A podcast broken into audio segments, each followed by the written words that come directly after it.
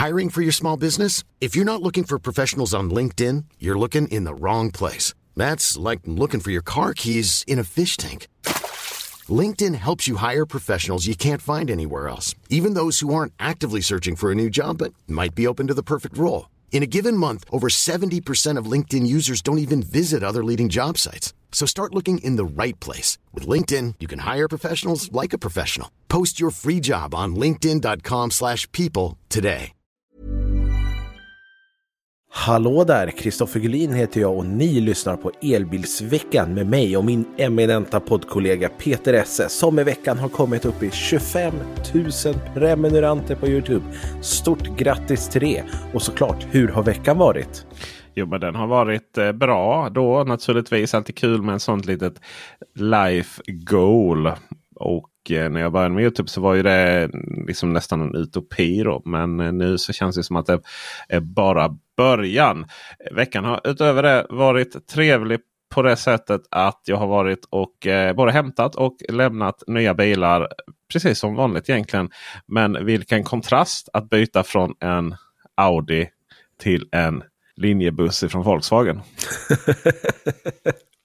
ja, det är kanske inte riktigt samma typ av bilar om man säger så. Man får snabbt eh, återställa sig själv där.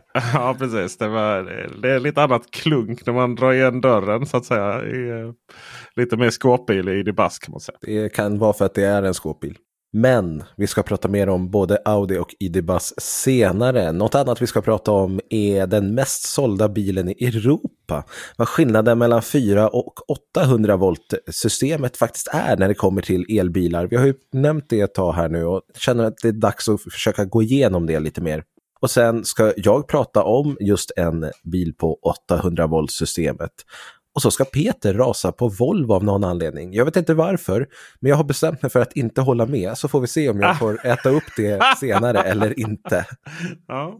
Men då går vi väl rast vidare till just den mest sålda bilen i Europa. Vad blev det för något, eh, Peter Esse? Kan det vara Tesla Model Y som krossade allt när det kommer till andra elbilar framförallt? Ja, jag tror att krossa är rätt ord här. Model Y har ju sålt väldigt bra i framförallt Sverige, men så börjar man kolla lite mer på den europeiska marknaden här och då är det ju första kvartalet 2023 som vi tittar på nu. Och då har alltså Tesla Model Y sålt 71 683 stycken, vilket är en ökning om man jämför med förra året, första kvartal, på 173 procent. Det tror jag Tesla är ganska nöjd med. Det tror jag man eh, har ju kämpat rätt hårt för det på olika sätt. Framförallt då att skapa en acceptans för att kunderna då hämtar bilarna i, i drivor runt om i Europa. Som jag förstår det så är det ingen annan elbil som är, som är på topplistan? Eh, om jag tittar lite snabbt så nej, topp 10-listan finns det ingen annan elbil. Det som jag också tycker är intressant är att nummer två på listan är Dacia Sandero. Mm. Det är alltså en riktigt billig budgetbil som Tesla Model Y ändå slår. Och Tesla Model Y är ju inte en budgetbil, det är en mellanklass skulle jag nästan kalla det vid den här tiden. Det räcker ju att ta sig till Danmark, alltså över bron här från Malmö. För att förstå att Europa generellt sett är ju inte den elbilsnation, eh, höll jag på att säga. Det är ju vi som är nation. Men vi är så hemmablinda här för att vi, vi har sån rullians kan man säga det, i elbilsförsäljningen. Då, även om den har minskat radikalt eh, all bilförsäljning. Både på grund av konjunkturen och eh, bo, eh, miljöbonusen försvann. Då. Men jag menar, vi är sådär, vi, vi har vår marknad domineras av elbilsparadigmen. Då, precis som Norge och även Nederländerna till viss del. Så att, jag menar, vi är där där det finns en stor marknad med flera olika bilar. Om man bara åker genom Danmark då så märker man ju snabbt att ja det finns någon E-tron. Det finns någon taxi som är en Ford Mac-E och sådär. Har sett. Men annars är det Teslor som gäller. Och dessutom är det ofta ganska gamla Teslor. Det är rätt fascinerande det. I Sverige ser man ju nästan aldrig de här gamla Model S och sånt. Du vet som har den här fruktansvärt fula fronten som ser ut som en leksaksbil. Medan så fort vi kommer ner lite till Danmark, det är jättemycket sådana där är klart, det är inte riktigt lika mycket vägsalt som vi har i, i, eh, i här i, i Sverige. Och eh, kommer det ännu mer söder ner så är det ännu mer sådana. Men det är Tesla, Tesla, Tesla. Och sen ser man någon BMW i3. Man ser kanske någon E-tron. Och sådär. Naturligtvis Volkswagen ID4 och så. Men den här blandningen som vi har den existerar ju typ inte. Utan Europa är ju fortfarande full av fossilbilar. Och kommer det ännu lägre ner i Europa, menar, ner till Spanien och så. Alltså det finns så mycket stora nationer där elbilsinfrastrukturen är så långt bak i tiden som när, när, när vi åkte runt och letade efter 50 kW-laddare längs motorvägen. Vet, det fanns en typ. Sådär, I ett hörn någonstans. Mm. Det är ju verkligheten för så många europeiska länder som har så många miljoner människor. Och det är klart att en, en, en sketen Dacia då är det som säljer bäst. Det är så kul också för att eh, det finns ju en topp 10 nya elbilar i Europa. Och eh, då blir det lite löjligt nästan. För att vi har Model Y på som sagt 71 000. Men sen nummer två på listan, det är Model 3 med 19 000. Det är ja. ganska stor skillnad. Verkligen.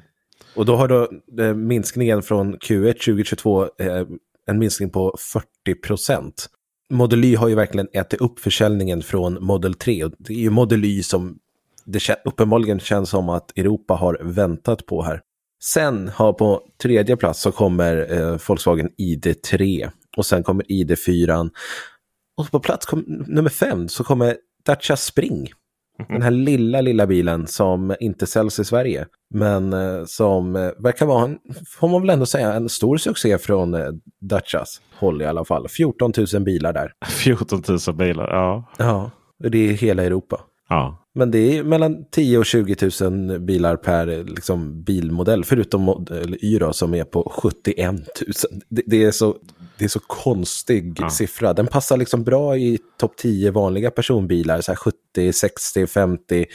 Men när det är elbilslistan så är det jättemärkligt. Ja, men det säger en hel del om eh, att en eh, lång väg kvar. Det får man väl ändå säga va?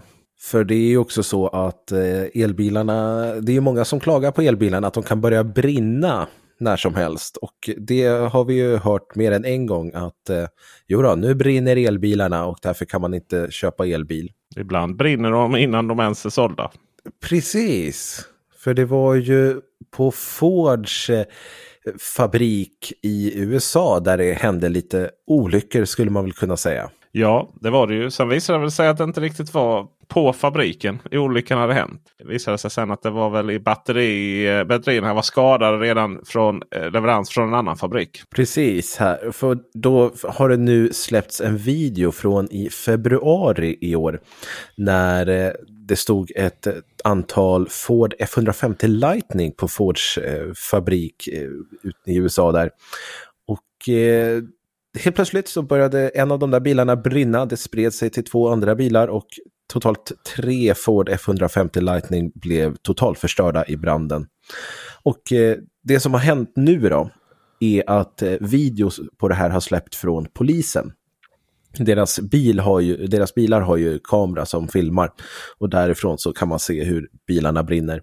Och eh, Ford har ju även gått ut och berättat vad problemet här var. Det visade sig ju att det var felaktiga celler från batterifabriken som det här felet berodde på.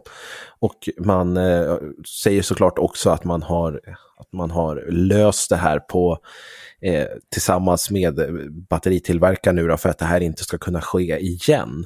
Men det var alltså en självantändning på sätt och vis, men då på ett felaktigt batteri. Och här kan man ju alltid diskutera hur säkert en elbil är, hur säker en batteribil är. Å andra sidan, behöver man göra det om den är dokumenterat felaktig? Eller är det jag som är, tittar för snällt på det här nu? Ah, jag, jag ser egentligen inte alls problemet. Nej, det är lite det jag säga. också vill komma till. Eh, utan eh, det som... Han hade identifierat att det var 18 bilar som ha, var behäft med de här felaktiga cellerna. Och utöver då det som, som redan var sålt. Då. Och eh, de är korrigerade och lösta. Eh, det är väl bra att man kan eh, kan göra det i efterhand. Det, jag, jag är mest imponerad att det var bara tre bilar som rök. Bokstavligt talat. Men, eh, för det står ju, står ju bilar där tätt. Och så. så att, eh, jag blev också lite förvånad. För ja. när man tittar på bilderna som sagt. Eh, vi kan lägga upp videon på elbilsveckan.se så ser ni, kan ni gå in och titta där på själva videon det ser ut som att de står rätt packade där, men ja, jag vet inte om Ford kanske lyckades eh, flytta på de flesta bilar där. Det kan ju vara så. 150 Lighting är ju i sig ett hån emot allting som är, är sunt. Den har ett gigantiskt batteri, men det är inte så att den har en fantastisk räckvidd. Utan den är ju bara för att den är bara stor och tung och eh, helt som en ladugårdsvägg i fronten. Var det inte nya eh, Cheva Silverado elbilen som skulle komma med ett batteri på över 200 kilowattimmar? Ja, det, alltså de där battericellerna behövs ju till annat känner jag. Liksom. Jag håller med dig. Eh, jag har ju blivit mer och mer fäst vid Nios sätt att tänka där man kanske kör med låga eller med små batterier i vardagen och sen så byter man till större. Eh, jag börjar bli mer och mer inne på den tanken. Men här så väljer man ju att bara strunta fullständigt i allt som är vettigt rent krasst. Man, man är amerikansk eh, helt enkelt. Man är, eh, ja. Så är det. Så är det. Vet du vad som är mer amerikanskt eller ganska stor, stort i USA? Stora suvar. Ja, det är också. Eh, kanske en av de största och tyngsta. Eh, Volvo EX90. Är det populärt i USA alltså? Ja, du gillar ju den själv. Du har alltid sagt att du föredrar EX90 före Polestar 3. Ja, absolut. Ja. Tyvärr så kommer du aldrig kunna köpa en EX90 nu. För att ja, den är slutsåld. Ja, jag läste hela veckan här ja. att eh, nu har försäljningen stoppats på grund av eh, jättebra eh, siffror eller någonting sånt där. Slutsåld, försäljningsstoppad, pausad var väl det Teknikveckan skrev faktiskt. Det var väl mest rätt. Men stämmer det här riktigt? Varje gång man ställer en sån fråga retoriskt så är svaret nej. Volvo EX90 är inte säljstoppad. Den är inte pausad heller för den delen. Möjligtvis eh, ju några minuter när de uppdaterar webbsidan. Så vad, vad i hela friden är det som har hänt? Vad pratar vi om? Jo, Volvo EX90 har sålt väldigt bra och det får vi väl gratulera Volvo till. Det tycker jag absolut. Det var ju många som pratade om att eh, den här kommer jag aldrig sälja eftersom den är så dyr. Ja, det, ja, det fanns det ju. Eh, den är ju inte för den svenska marknaden primärt tror jag. Ja, säg inte det. Säg, nej, primärt är det inte det. Men den, kommer nog, den har nog sålt väldigt bra i Sverige för svensk det del. Tror jag också. Och, det tror jag också. Ja. Och det som basuneras ut här nu av våra kollegor i branschen. Eh, från egentligen alla biltidningar och så. Det var ju då att eh, som sagt, ja den är slut lyxproblem och sånt kallades det. Eh, men jag har lite svårt för den beskrivningen. För vad som, och, och sen också det är väldigt tydligt att den inte går att beställa. Vilket då är inte sant. För den går jättebra att beställa. Det är bara att gå in på volvocars.se och konfigurera din Volvo EX90 och trycka på beställ. Logga in med BankID och sen är den din i framtiden. Så att det där stämmer överhuvudtaget inte. Jag tycker, det är helt, jag tycker det är lite problematiskt att rapportera på det sättet. Uh, för om vi backar av vad som har hänt så är det så att Volvo har skickat ut en kvartalsrapport för första kvartalet. Och där är man då, eh, berättar man helt enkelt att uh, beställningen har överträffat de mest optimistiska interna prognoserna. Och därför så får man helt enkelt så kallat stänga orderböckerna för modell 2024. Ah, nu ser jag vart det här är på väg. och, eh, och, och snart då så öppnar man för modeller 2025. Men grejen är att det där, det där har redan hänt. För att modeller 2025 Volvo EX90 beställningarna de drog igång redan i mars. För över en månad sedan. Då. Det är ingenting som, alltså säljstopp är, den är inte säljstoppad. Utan man har helt enkelt slut på slottar för årsmodell 2024. Och jag har lite problem med det här med årsmodeller inom bilindustrin. Att, att, att, att kategorisera in det på det sättet. Alltså konsumenterna ska aldrig behöva tänka på sådana saker.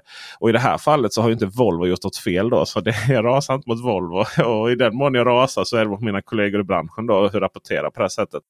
Om, om vi då tar just var, varför jag finner, finner det problematiskt med årsmodeller och att, att hänvisa till det Mer än liksom pro, ur ett produktionstekniskt perspektiv och vad som gäller för alltså serviceböcker och, och sådana saker. Alltså när man själv internplanerar. Då, liksom. Så då är, det är ju Hyundai Ioniq 5. Hela det debaclet runt det då. Det är så här, men jag går och beställer en Hyundai Ioniq 5 och sen så får man eh, så, nej men tyvärr är det, den årsmodellen är slut så du kan inte få den. Eh, däremot kan du få beställa nya årsmodellen. Men då är det ett annat pris och annan konfiguration. Och det är så nej, det är inte okej. Okay. Alltså jag har beställt en bil med det priset och den konfigurationen som jag vill ha. Och kan man inte leverera på den av o, vilken anledning som helst. Behöver jag ju bli kompenserad för det. Antingen för att få bättre konfiguration då eller mycket billigare pris. I, inom bilvärlden så är det så otroligt fascinerande att man liksom hänvisar till årsmodeller som någon form av giltig anledning för, för att man har strulat. Då. Och igen då vill jag säga att det är inte Volvo som har gjort detta. Utan man kan bara konstatera det att årsmodell 2024 är slutsåld. Och nu då de som tillverkas därefter är årsmodell 2025. Givet då att det är lite längre leveranstid. Så om jag går in och beställer en EX90 idag då är det årsmodell 2025 som beställs? Precis, men årsmodell 20, årsmodeller inom bilvärlden börjar ju typ Alltså årsmodell 2025 börjar ju i februari 2024. Liksom. Alltså här får jag ändå, jag tycker ändå att Tesla gör det bättre. De jobbar ju inte lika mycket med årsmodeller utan där är det ju liksom ständiga iterationer istället. Ja. Eh, revisioner på bilarna. Och det kan jag nästan tycka är bättre. För att så som vi håller på med årsmodeller här, speciellt när årsmodellerna för 2024 säljs och börjar levereras mitten på 2023 typ. Det, det, blir väldigt rörigt hela tiden. Det är ju det. Och rörigt är ju det här också. Det är alltså en bil som då är säljstoppad och slutsåld innan den ens har börjat. Innan, innan ens första bil har levererats. Det blir liksom pedagogiskt fel. Och eh, så vad som händer nu är ju att det levereras en massa. Alltså de kommer ju börja leverera sig i slutet av året då. Eller i början på nästa. Det beror på lite hur de får ut det då. Det ryktas ju om lite förseningar mjukvara och sånt. Och sen därefter då så där på det sen så kommer ju nästa årsmodell. Vad är skillnaden då på årsmodellen? Hur vet man liksom eh, det här när man beställer en? Ja, för att jag sitter och tittar här lite nu och jag har konfigurerat en som skulle passa mig. Men ja. ingenstans står det vilken årsmodell det är. Nej, men du kan se det. För vad du kan göra min goda herre, det är att du väljer kanske den vackraste färgen som någonsin har tagits fram på en bil. Oj då, jag har redan valt en färg. Marlboro Red. Jaha, okej. Okay. Mm. Jag tror att vi har olika åsikter Nej. om vad som räknas som den vackraste färgen. Ja, då. alltså ibland så kan man... Ibland, du och jag har väldigt mycket olika åsikter om bilar. Jag kan respektera dina, dina åsikter och val i de flesta fallen. Men det kommer inte att säga att inte det här är den snyggaste, äh, snyggaste färgen som någonsin har visats på en bil. Okej, okay, då väljer jag bara att vara tyst istället. ja, jag alltså, tror visst, den är ju inte ful, men alltså, lite så här vinröd. Ja, exakt. Jag vet inte om jag skulle våga beställa den. För att du vet, det är så här. Det var väl, var väl, väl köps i bil så vill man att det ska vara lite halvgrå och tråkig liksom, på uppfarten. Att det står ut liksom. jag lite... hade ju hellre kom, eh, tagit, eh, kommer du ihåg gamla XC90 brandröda färgen där som var verkligen skrikröd på det viset. Den tyckte färgen tyckte okay, om. Den jag. hade jag velat haft. ja, Nej, vi delar inte några åsikter någonting känner jag. Men eh, där är en förändring. För svensk del så är det exakt samma pris och eh, du har då möjlighet att lägga till eh, en, den här färgen. då Som jag, Peter Esse, tycker är jättefin. Och Kristoffer eh, Gullin säger mm, sådär. Jag valde Denim Blue. Denim Blue ja. Mm.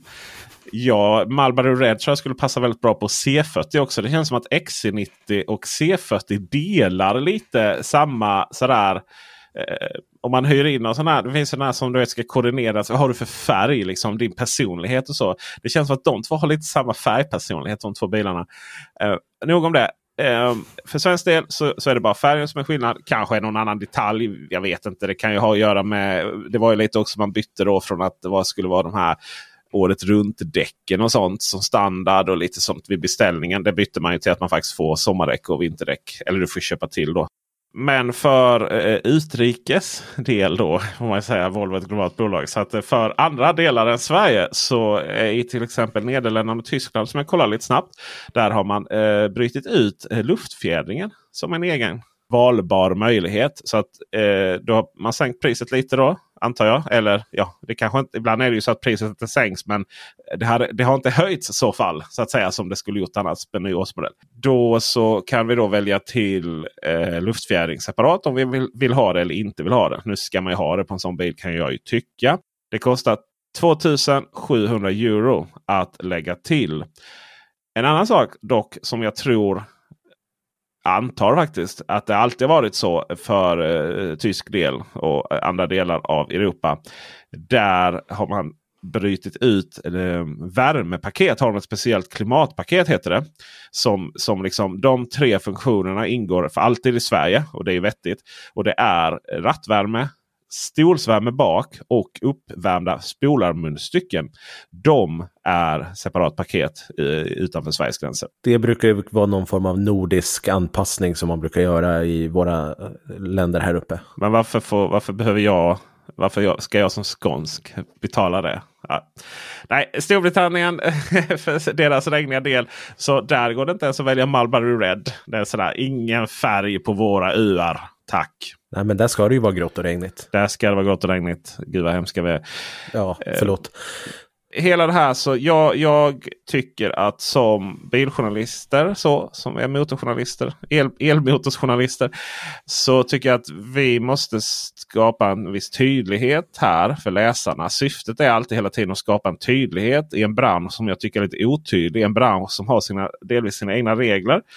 Nämligen då till exempel det här liksom att det på något sätt årsmodellsbyten på något sätt skulle kunna eh, vara en giltig anledning att dra till för kunden igen. Inte Volvo som har gjort det, men Hyundai. Vi tittar på er. Eh, däremot så tycker jag att vi måste då vara tydligare när vi rapporterar om detta. Det är jättekul att EX90 har gått bra. Och eh, korrekt hade ju varit att man öppnar upp eh, beställning av ny årsmodell i förtid eller någonting sånt där. Jag är ju inte eh, eh, ovän med eh, klickbara rubriker för egen del. Men det ska finnas en viss form av sanning i dem. Och att en bil som går att beställa hänvisas till att den är stoppad att beställa på olika sätt. Då är det helt enkelt okej. Okay. Och vissa har inte ens varit tydliga med vad som gäller i det. Och på tal om tydlighet så var det ju så att vi här på Elbilsveckan ställde lite frågor till Konsumentverket. Eh, just på grund av att Tesla har priser utan så kallade dokument och registreringsavgifter. Nej, det heter destinations och dokumentavgifter. tror jag. Och eh, på 9200 kronor. Det vill säga att priset som visas på Teslas webbsida. Det är ett pris och sen tillkommer alltid då 180 för att vara exakt. Innan du checkar ut och beställer din bil. Och Vi ställde ju frågan då till Konsumentverket om detta är okej. Okay. Och de var väl ganska tydliga här och säga att eh, om ett pris är obligatoriskt om en kostnad menar jag är obligatoriskt. Så ska det ingå i liksom grundpriset. Det vill säga det här är inte okej. Okay. De ställde faktiskt frågan, för jag var ganska så här, det, det, är inte mitt jobb att outa Tesla till myndigheter. så att säga. De får göra det själva, de får hitta det själva. Men jag ställde frågan för jag ville ha korrekt och adekvat info att ge till er läsare och, och tittare. Då, även för min Youtube-kanal. Men de frågade faktiskt vem det gällde. Varför jag frågar. Och då så sa jag att eh, jag frågar av anledning av Tesla. Då. Och här nu i några, några veckor senare så började faktiskt Konsumentverket en granskning av Tesla. Där Tesla eh, blir informerade om att så här får man inte göra. Utan priset ska vara eh, tydligt och eh, på webbsidan det första du ser. Och det ska gå att beställa bilen för det. Då. Man har till och med imorgon den 3 maj på sig att svara på vad man tycker om detta. Eh, och Det kan man ju tycka lite vad man vill om. Det ska ju sägas att i Danmark så visas priset inklusive destinations och dokumentavgiften. Och kanske i andra länder också. Jag får en känsla av att Tesla i Sverige själva är inte så himla glada över att visa, särredovisa det här. För när de kommunicerar eh, med nyhetsbrev och på annat sätt. Då så har de ju faktiskt eh, det här eh, priserna som de visar inklusive den här 9180. Så det är bara på webbsidan. Och det känns ju då som att det skulle kunna vara en amerikansk grej som då svenskarna inte riktigt rå över. Men det kommer nog komma till en förändring ganska så omgående. Och den här avgiften har de ju haft så länge de har sålt Teslor. Jag eh, gick tillbaka och kollade från 2016. Och redan då fanns ju den här dokumentationsavgiften där. Så jag är lite snopen över att det är en nyhet för Konsumentverket. För att alltså det har ju funnits så länge som helst. För mig var det ju ingen större grej alls, utan det, det Det är så det är. Det är bara att vi har Janne Esse här som reagerar på saker och ting. Vilket är såklart bra jobbat Peter. Tack Janne Esse. Ja. Det var lite roligt sagt. Det är väl kanske helt enkelt så att det inte har beställts några Teslor till Konsumentverket. Nej, det är också en teori jag har att inga handläggare på Konsumentverket åker Tesla. Så är det i Karlstad. De cyklar kanske. Och cykla är någonting som jag själv uppskattar eh, ganska mycket. Särskilt med elcykel. Då. Jag har en, en trevlig eh, sak från Tyskland som, som klarar min vikt. Och den har en, eh, ett eh, batteri på eh, okänt antal kilowattimmar. Men jag vet, råkar veta att den ligger på 36 volt i alla fall. Och eh, inte ens eh, BMW i3 har det så lågt. va Utan normalt sett så har bilar lite mer eh, högre spänning än så. Ja, jag tror att 36 volt kommer vi nog inte så långt med när vi börjar prata om bilar här. För att nu ha, idag så har ju de flesta elbilar 400 volt. Men det har också börjat dyka upp allt fler som har 800 volt och eh, både du och jag Peter har ju här pratat om det här 400 volt, 800 volt flera gånger i podden och nu har vi kört ett par bilar här med eh, 800 volt system. Du har kört Audi E-tron GT, jag har kört Kia EV6. Just nu kör jag en Hyundai Ioniq 5 som också sitter på 800 volt systemet. Och jag tänker att vi måste prata om det här och reda ut vad skillnaden är. Vad betyder det här? Vad, vad spelar det för roll? Och vad finns det för för och nackdelar? Så jag tänker att vi tar ett litet eh, ellära segment här Eh, nu och pratar om just 400 volt och 800 volt. Och då är det ju så att eh, när vi säger batteriet i en elbil, då menar vi egentligen ett batteripack. Och det här batteripacket det består ju av eh, många celler som är själva batteriet. De här cellerna har ju volt, alltså spänning. Eh, och eh, man plussar liksom ihop de här cellerna tills man kommer upp i omkring 400 volt för att det då blir ett batteripack. Jag ska också säga att det här är väldigt övergripande. Jag går inte ner på några detaljer nu, så är ni elektriker så kommer ni kanske eh, bli lite frustrerade, men det är ju som det brukar kunna vara när man pratar om eh, branscher man inte själv jobbar i. Jag nämnde det att eh, det är omkring 400 volt för att spänningen i ett batteripack det är inte alltid eh, exakt lika. Till exempel så är det så att eh, när man kollar hur mycket procent som finns kvar i ett batteri så kollar man just spänningen i batteriet för att se eh, hur många procent som finns kvar. Det är systemet som räknar ut hur många procent som finns kvar. Eh, ett batteripack kan ligga på kanske 350 volt när det är nästan urladdat och sen när det är fullt och laddat så kan det ligga närmare 450 volt till och med. Eh, lite olika från tillverkare. Sen sjunker den där spänningen allt eftersom man kör bilen. Och sen kommer vi vidare till det här med effekt. För effekt är ju det som eh, gör att eh, motorn eh, kör framåt. Det är effekt vi har när vi laddar bilen och det.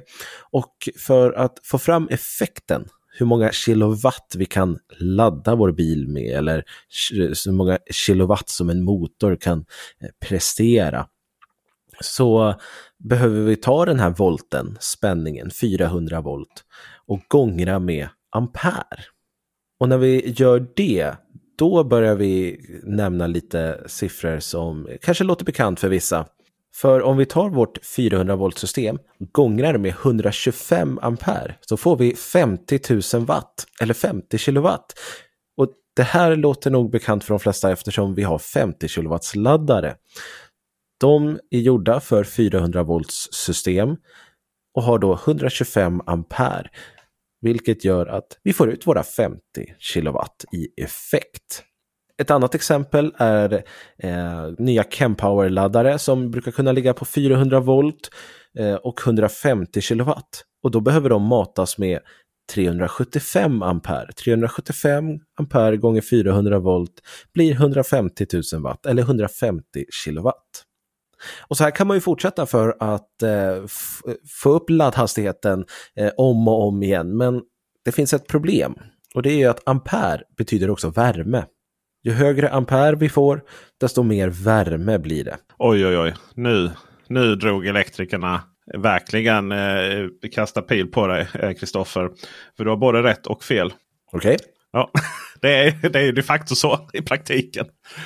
Men eh, i, i, mer hardcore så värmen i sig har, är egentligen inte hur mycket ampere det är. Utan det är vilken ledarmaterial du har. Så att lite beroende på vad du har för ledare och sånt. Så, så, så det är ju där värmen kommer då. Men, men liksom, i och med att det alltid är samma ledarmaterial, koppar och sånt i, i de här grejerna. Så, så i praktiken stämmer det ju. Och jag nämnde det bara för att jag har fått försvara mig så många gånger på det där. För att det kommer alltid någon som liksom ska, ja, jo, fast jag vet. Fast i praktiken är det ju så att om du höjer amperen Eh, så, så blir det mer värme. Men och, och anledningen till det, och det, det är då i, i stark korrelation till eh, värmeutvecklingen beroende på eh, material och längd. Då. För det är den här, eh, eh vad heter det? Ja, eh, det, det, är ju när saker och ting ska penetrera materialet och skickas vidare. Det är då eh, värmen, värmen skapas. Och ju, ju svårare det är eh, och ju längre det är, ju mer värme. Precis, och eh, för att eh, jag får tacka för den eh, ja, rättelsen eller vad man ska säga. som jag sa i början, är man elektriker så... ja, Men nu säger vi även vad den liksom. Men det är också kul, kul att få eh, den förståelsen för det där. Liksom. Eh, för att ja, det är rätt i sak att ju högre ampere ju mer värme. Också lite spännande att förstå, förstå anledningen. Vilket jag alltid gjorde då. Liksom. Men det, det är därför nämligen eh, Teslas kablar är tjockare när de är längre. Även om amperen, alltså strömmen, är densamma. Och det är också därför de har kunnat klara sig ganska bra med sina kortare kablar. Eh, jämfört med till exempel Ionity. Ionity har ju väldigt tjocka kablar, väldigt långa kablar som också är vattenkylda för att hantera den här värmen som blir. Ja. Medan Teslas, eh, framförallt eh, version 3-laddarna, är ganska smala kablar. Det är inga vattenkylning där inte. Men de är ju inte heller så långa. Nej. Och ändå har de då högre ström. Precis. Alltså de har mer ampere. Eh, så därför så är den, kan den vara viktig att förstå. Men, men i övrigt så är det ju en, är, är det ju en, en matematisk eh, gångetabell där. För att få fram effekten. Då.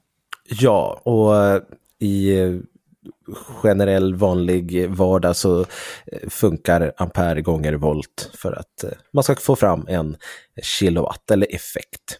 Men hur ska vi lösa det här då? För att vi vill ju kunna ladda snabbare, snabbare, snabbare. Det är ju liksom det vi vill göra. Jo, vi höjer volten istället. Istället för ampere så höjer vi volt. Och höjer vi volten till, säg 800 volt, då behöver vi inte alls lika hög ampere för att nå samma kilowatt eller samma effekt. Och det skapar också andra fördelar, för när vi inte behöver ha lika hög ampere som eh, går igenom kablarna så behöver som sagt, som Peter sa, kablarna inte vara lika tjocka heller. Vilket gör att vi sparar in lite på material, vi sparar in på eh, kylning eftersom vi inte behöver, det blir inte lika mycket värme. Vikten tänker jag man sparar in på rätt mycket. Vikten sparar man också in på, absolut. Eh, det blir billigare att tillverka själva kablarna eller så för i bilen eftersom vi inte behöver lika tjocka, tunga, eh, långa kablar som med 400 volt systemet. Så att det finns flera fördelar med att använda just ett 800 volt system i en bil. Det finns ju såklart också nackdelar och en stor nackdel eh, är just att 400 volt är standard det är någonting som alla laddare är byggda för. Alla bilar byggs ju också med 400 volt, vilket gör att delarna som man tar från hyllan, som man köper in från olika leverantörer, och det, de är anpassade för 400 volt, vilket gör att eh, du behöver inte uppfinna hjulet på nytt så att säga. Med till exempel Kia och Hyundai och de som har börjat gått över till 800 volt, de har ju behövt, om inte tillverka helt nya produkter, så åtminstone eh, köpa in dyrare delar för att kunna tillverka det här 800 volt systemet och kunna ta nytta av hela systemet. Så där har vi ju ett problem, att det helt enkelt inte finns lika mycket komponenter, off the shelf som man brukar säga, till 800 volt systemet. Vad intressant då, för att nu, nu, nu är det jag som är ute på, på eh, väldigt djupt vatten här ur ett, ett el, elperspektiv. Men som jag har fått för mig så är det så här. Om du seriekopplar battericellerna då höjer du ju spänningen. Alltså då höjer du ju mm. volten. Då. Det är, det, man, det, är det man gör i ett batteripack. Precis. Och medan om man parallellt då, då bibehåller du, om du lägger liksom, om det gäller dem parallellt då, då bibehåller du spänningen. Så att det är liksom fyra, fyra, det som skiljer 400 volt system med, med 800 system. Det är ju egentligen hur du har kopplat cellerna. då. Om du har liksom parallellkopplat eller seriekopplat dem. Eh, så eh, det är ju samma sak till exempel i varför du har 12 volts, eh, 12 volts verktyg. Har du ofta de, vet, de här verktygen du har samma batteri. Du vet, ett batteri mm. till alla verktyg. Liksom. Absolut. Så här, ja, men 12 volt. Ja, men då har du liksom se, då har du eh, för alla, alla, alla då är, är på typ 3,7 volt. Liksom. Ja, men då har vi, då har vi liksom seriekopplat, eller då har vi parallellkopplat dem så att det blir 36 eh, volt. Då. Eh, alltså i två lager kanske. Men, men i, eh, i 12 volt där, men då, har vi, då har vi inte så många lager. Liksom. Så det, det, där, det där är så intressant hur man bygger sådana saker. Och jag antar att anledningen till att, att det är, finns färre 800 volts komponenter. Det är helt enkelt så att man Eh, Eh, det, det, är, det, är, inte av Guds nåde liksom. Utan det är helt enkelt så att man inte haft en tradition att bygga 800 volt system. Nej men precis, det har ju inte varit en standard. Så varför ska någon bygga det? Det är ju det som har varit lite grejen. Det var ju likadant med Tesla här nu när de annonserade på sin Investor Day i mars här att de skulle gå över till 48 volts eh, batterier och då pratar vi om det här lilla batteriet, 12 volts batteriet som vi pratar om i bilar. Det ska ju de gå över till 48 volt här nu det är ju också någonting som så här, det är ju ingenting man har gjort och ett steg man inte har tagit eftersom det inte är en standard. Det finns så lite resurser för att kunna bygga den typen av system. Men nu väljer Tesla att ta steget och hoppas att andra tillverkare ska följa efter. Och lite samma sak blir det med 800 volt-systemet för högvoltsbatteriet här nu då. Där fler och fler bilar kommer gå över till 800 volt och det kommer ju bli finnas fler delar på hyllan att välja mellan. Men idag så är det en så pass liten marknad att man har helt enkelt inte velat tagit det steget. Många tillverkare som är underleverantörer till biltillverkarna. Men finns det någon praktisk skillnad för oss eh, vanliga? Ja, det hade ju varit skönt att säga nej. Ja, det hade det verkligen varit. särskilt med tanke på att du kör, eh, provkör Kia och Ion, eh, Hyundai här. För där är det ju särskilt utsatta målgrupper. Precis. Och då är vi tillbaka på det här med eh, vad laddarna har stöd för. För om eh, jag tar en Kia till exempel som har, kan maxa ur på 233 kilowatt. Då kan den göra det på Ionity. För Ionity har stöd för både hög ampere och hög volt. Åker jag till en eh, annan laddare som, eh, det är ju ganska vanligt att det finns 300 kW laddare på typ Circle K, Eon Clever och Allego kör ju också med det. Upp till 300 kW säger de. Men åker jag och pluggar in där då kommer jag vara uppe i 150. Även om bilen har stöd för 233 kW. Och det är för att de laddarna har inte stöd för 800 volts systemet och kan inte dra nytta av eh, det. Vilket gör att eh, man står där med sin bil som kan ta 233 kW. Man står vid en laddare som kan ta ladda 300 kW. Men du kommer inte upp i mer än 150. Och så blir man frustrerad och irriterad. Vilket är i och för sig imponerande att du blir frustrerad och irriterad för 150 kilowatt. Ja, men jag har ju betalat för en bil som kan komma upp i 233 och så får man inte det. för det finns ju värre exempel dock. Det finns värre exempel. Uh, vi kan prata om Tesla igen då. då ja, vi får göra det. Vi går deras... hela vägen dit. Ja, precis. precis.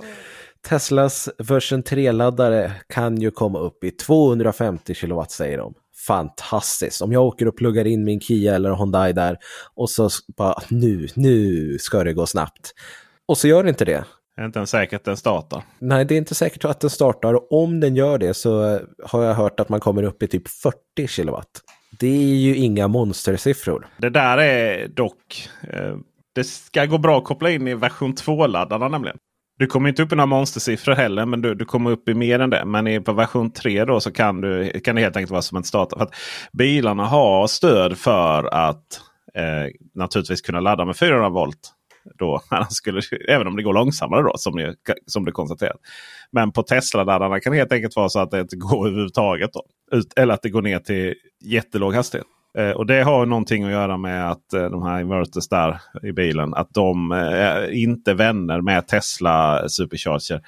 Eh, I det fallet version 3. Men att bilar liksom inte är kompis med Tesla-laddare. Det är ju det är inte bara Kia och Hyundai bara är problemet. MG har ju också problem på annat sätt. Då. De startar inte heller. Men det har ju ingenting med spänningsproblematiken att göra. Då. Vad vi vet.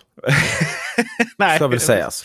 vad vi vet ja. Nej, det där För hade vi, hade vi vetat det då hade vi nog suttit på eh, guldläge. Mm. Jo, nej det är väl ingen som riktigt vet det. Sen är det inte så här, bilar har ju inte specifikt 400 volt, specifikt 800 volt. Utan det är liksom någonting där upp och ner och emellan och sånt. Så. Mm.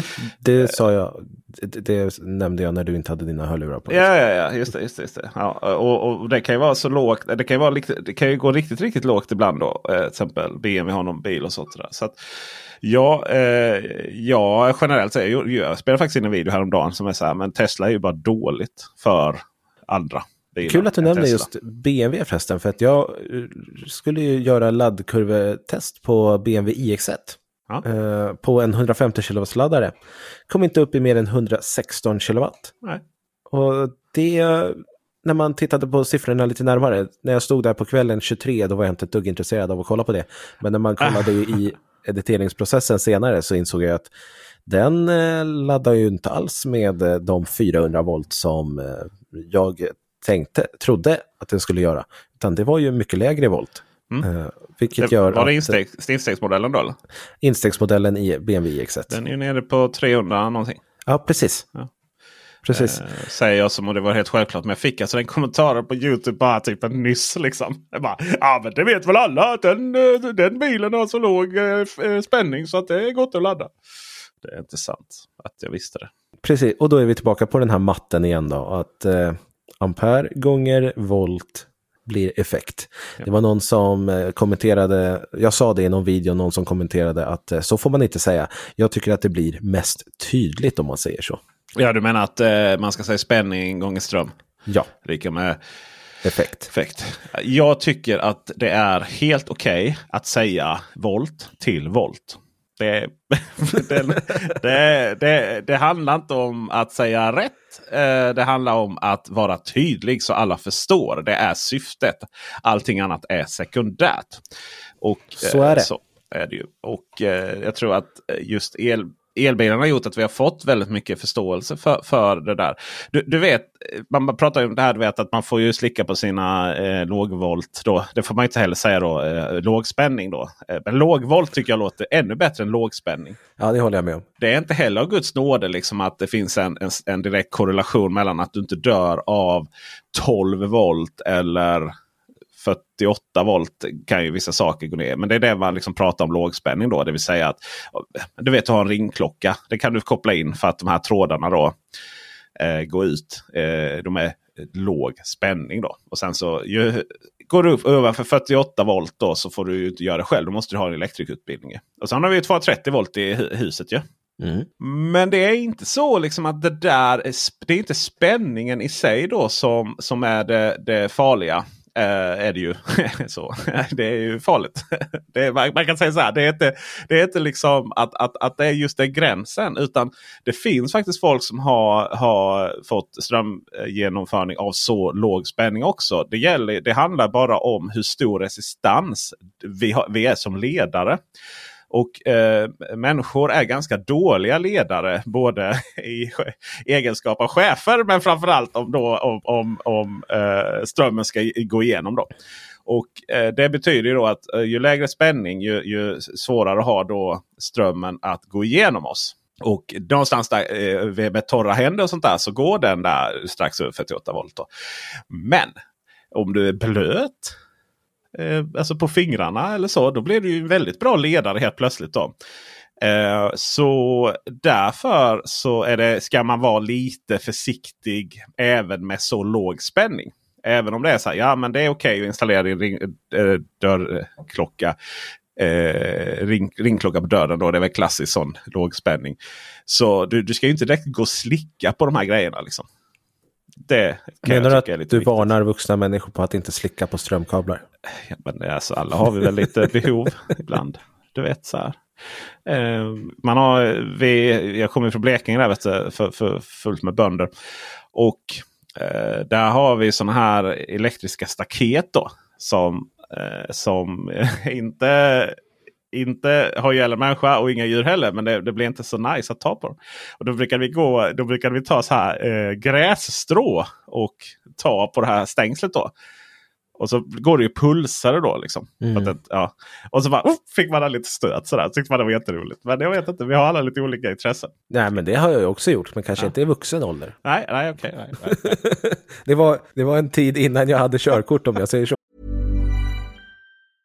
Cool fact a crocodile can't stick out its tongue. Also, you can get health insurance for a month or just under a year in some states. United Healthcare short term insurance plans, underwritten by Golden Rule Insurance Company, offer flexible, budget friendly coverage for you. Learn more at uh1.com. Hi, I'm Daniel, founder of Pretty Litter. Did you know cats tend to hide symptoms of sickness and pain? I learned this the hard way after losing my cat, Gingy. So I created Pretty Litter, a health monitoring litter that helps detect early signs of illness by changing colors, saving you money and potentially your cat's life. Pretty Litter is veterinarian developed, and it's the easiest way to keep tabs on your fur baby's health right at home. Go to prettylitter.com and use code ACAST for 20% off your first order and a free cat toy. Terms and conditions apply. See site for details. Hiring for your small business? If you're not looking for professionals on LinkedIn, you're looking in the wrong place. That's like looking for your car keys in a fish tank. LinkedIn helps you hire professionals you can't find anywhere else, even those who aren't actively searching for a new job but might be open to the perfect role. In a given month, over 70% of LinkedIn users don't even visit other leading job sites. So start looking in the right place. With LinkedIn, you can hire professionals like a professional. Post your free job on linkedin.com slash people today. There's never been a faster or easier way to start your weight loss journey than with PlushCare. PlushCare accepts most insurance plans and gives you online access to board-certified physicians who can prescribe FDA-approved weight loss medications like Wigovi and Zepbound for those who qualify Take charge of your health and speak with a board certified physician about a weight loss plan that's right for you. Get started today at plushcare.com slash weight loss. That's plushcare.com slash weight loss. Plushcare.com slash weight loss. When you need mealtime inspiration, it's worth shopping Kroger, where you'll find over 30,000 mouthwatering choices that excite your inner foodie. And no matter what tasty choice you make, you'll enjoy our everyday low prices, plus extra ways to save, like digital coupons worth over $600 each week. You can also save up to $1 off per gallon at the pump with fuel points. More savings and more inspiring flavors make shopping Kroger worth it every time. Kroger, fresh for everyone. Fuel restrictions apply. med, med de barndomsminnena då eh, så är det väl dags att gå, gå eh, till eh, någonting man drömde om när man var barn. Coola bilar kanske. Och du har ju då provkört en bil som när den kom var den första 800-voltsbilen? Mm, Porsche Taycan var den första 800-voltsbilen. Första bilen som normalt folk kunde köpa. Ja, då, då absolut. Då, då, då, är det Kia och ja. Hyundai som Intressant utseende på den bilen. Kian? Mycket. Jag tycker Kian är jättesnygg. Mm. Från rätt håll. Rätt färg. Och det är inte framifrån. Nej. Nej, okej. Okay. snett bakifrån, där är det perfekt. ja, det, det får där. alltid komma snett bakifrån. På... ja. eh, nej, men som sagt, jag har kört Kia EV6 och det är en eh, väldigt populär bil i Sverige får man ändå säga. Vi ser dem på ganska, ganska mycket på svenska vägar och de ligger ofta i topp 5 när det kommer till försäljningssiffror. Jag tror att anledningen till det är att eh, här i landet lagom så gillar vi när någonting är lagom och eh, Kia EV6 är väldigt lagom. Möjligtvis utseendet som är lite extremt så för oss lagom svenskar, men i övrigt så är det en väldigt lagom bil. Kia EV6 finns med flera motoralternativ, både bakhjulsdrift och fyrhjulsdrift. Jag åkte bakhjulsdrift och jag kan eh, tycka att eh, om man verkligen inte vet att man behöver fyrhjulsdrift så välj bakhjulsdriften för den var mycket rolig och man tappar absolut ingenting i övriga specifikationer. För man får ett batteri på 77 kilowattimmar som tar en 504 kilometer enligt VLTP. Men vill du ha AVD ändå så hamnar du på 484 kilometer. Så eh, pluspoäng till bakhjulsdrift. Själv så har jag börjat uh, inse, uh, ska prata lite mer om det sen strax, men varför är plötsligt fyrhjulsdrift blivit så himla populärt? Jag tror att det finns anledning till det. Jag tror att det är mycket, för att det är så enkelt. Det är så billigt nu för tiden att sätta in fyrhjulsdrift och så kan man ta mer betalt för det. Ja, och så tror vi att vi står där och behöver det. Det är ju roligt för att med just bakhjulsdrift Kia EV6 så hände ju en liten olycka för mig. Vi tar det sen tror jag. Men, ja, just det. jag hade behövt fyrhjulsdrift. Förbrukningsmässigt i alla fall på den här bakhjulsdrivna så låg jag runt 17 kilowattimmar i blandad körning per 100 kilometer. Runt nollan, det är väl inte superbra men det är inte dåligt heller faktiskt, tycker jag. Vi har ju som sagt 800 volt systemet på den här bilen som vi nu har pratat om. Vi kommer upp i 233 kilowatt som mest och det är ju framförallt på Ionity som vi gör det. För eh, Ionity har stöd för det. Men eh, om vi står hos andra laddare så är det mer 150 till 200 kilowatt som gäller beroende på vad det finns för specifikationer på laddaren såklart. Bagaget ligger på 480 liter. Eh, och det som gör att man blir lite lidande här är ju den här hatchback-utformningen som finns på bilen. Jag tycker att det blir snyggt och hela bakluckan öppnas också så att det blir lätt att lasta i den. Det är också så att eh, bakluckan går rätt högt och den här sluttningen på eh, glaset som är, är inte så extremt sluttande, vilket gör att man har ändå ganska gott om utrymme där. Vill man få in en barnvagn i Kia EV6 så är det inga problem. Kia har också lyckats få till en frunk och eh, i den här bakhjulsdrivna som jag hade så är det närmare 50 liter som man får ner där faktiskt. En eh, rejäl matkasse är inga problem att ställa ner där i gropen. Väljer man AVD dock så eh, behövs det lite mer motorutrymme och eh, man får bara 20 liter vilket gör att det är typ en laddkabel som får plats. Eh, men inte så mycket mer än så. Dragvikten är 1600 kilo, det är inte bra men det är inte dåligt. Det har en taklast på 80 kilo också. Det här får du även med bakhjulsdrift så det finns ingen anledning igen att välja AVD. Stolarna i bilen, jag hade GT Line-versionen. De är lite sportigare, jag tyckte de var jättesköna. Man, håller sig, man kan sitta länge i dem eh, och de håller en bra på plats sådär om man kör lite mer aktivt. Fjädringen, den är rätt hård och det märks att Kia vill att bilen ska vara lite mer sportig så. Den blir något stötig eh, i vardagskörning så här, men den är inte Model Y-hård liksom, så att du klarar det Peter. Den har ett sportläge som är rätt ryckigt också i vardagskörning och det, det är inte alls trevligt att köra med det på. Förutom om man ska köra just ryckigt, alltså mer aktiv körning där, man, där det är mycket gasbroms och så. Hetsigt eh, lite mer. Och här tycker jag att Kia EV6 gifter ihop alla de här grejerna jättefint. Med den hårdare fjädringen, bakhjulsdriften, stolarna som håller den på plats och sen sportläget. EV6 är alltså en riktigt kul bil att köra i det läget. Jag tyckte det var fantastiskt roligt. Det var flera gånger som eh, jag eh, tog eh, mindre småvägar som jag vet är kurvade än vad jag behöver. Just för att det är en kul bil att köra verkligen. Infotainmentsystemet var till en början ganska frustrerande. Eh, men efter ett par dagar så lärde man sig ändå det och det blev inte så illa som jag hade tänkt mig. Direkt vid första eh, åsyn så är, ser det väldigt rörigt ut och det är massa olika saker som händer på skärmen med många olika appar så som man kan, eh, eller appar, men funktioner eller vad man ska kalla det, eh, som finns på bilen direkt i huvudmenyn och det blir så här, oh men overwhelming, oj vad ska jag trycka nu? Men sen lugnar man ner sig, man läser vad som faktiskt står och inser att ha, det här var ju ganska smart egentligen. För att nu vet ju jag exakt eh, vart jag ska trycka för att eh, fixa just den här inställningen. Och eftersom det är så många val som ligger högst upp på huvudmenyn så blir det så att det inte är så många undermenyer sen när man väl kommer in. Så att de flesta inställningar de, ja, de fanns en till två tryck bort bara. Vilket jag tyckte var jättesmidigt. Det var inte alls som i Volkswagen-bilarna eh, där man ska trycka på en meny och så ska man trycka på en undermeny och så ska man trycka på en del, rätt del på en bil och så ska man gå till en ny undermeny och så ska man välja en inställning. Utan här fanns allting väldigt nära och inte alls liksom många tryck bort. Däremot så är det trådad Apple CarPlay och Android Auto. Och det, det, här är bara, det, här är, det här är bara pinsamt. Hur Nej. kan man släppa en bil så här, som är liksom modern med modern teknik, som är helt nyutvecklad på en elbilsplattform och så har man inte trådlös Apple CarPlay och Android Auto. Jag... Den är ju inte, den är också beroende av dem för att den har ju inga egna appar och sånt ju, att tala Nej. om. Den har ingen Utan man måste ju ha de här egna eh, telefonprojektionerna tror jag att det stod eh, i systemet. Men då är det ju som sagt med kabel. Jag, jag lackade ju så att jag tog ju, rotade ju fram en gammal iPhone eh, från någon hylla här som jag hade. Och eh, lät den ligga i bilen hela tiden. Mm. Då tappar jag ju viss funktionalitet när jag ska ringa eller så, men då fanns det ändå där när jag klev in i bilen.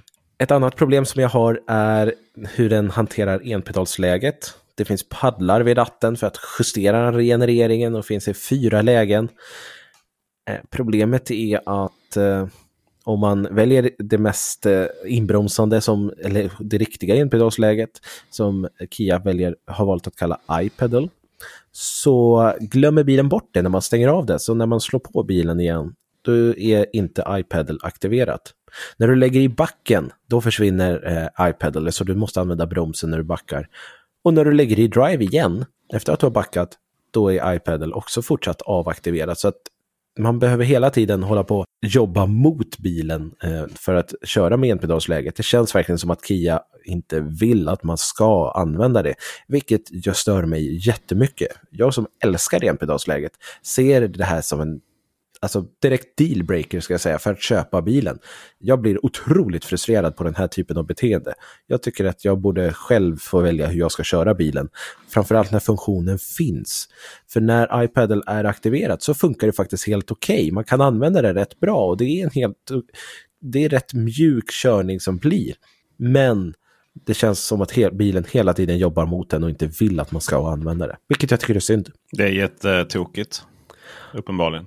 Uh, ibland så man märker, det känns ju så här, det är så det ofta. Det läggs till funktioner bara för att det ska vara en funktion. Men inte för att det faktiskt ska användas. Jag har ett gäng sådana i min kommande här nu.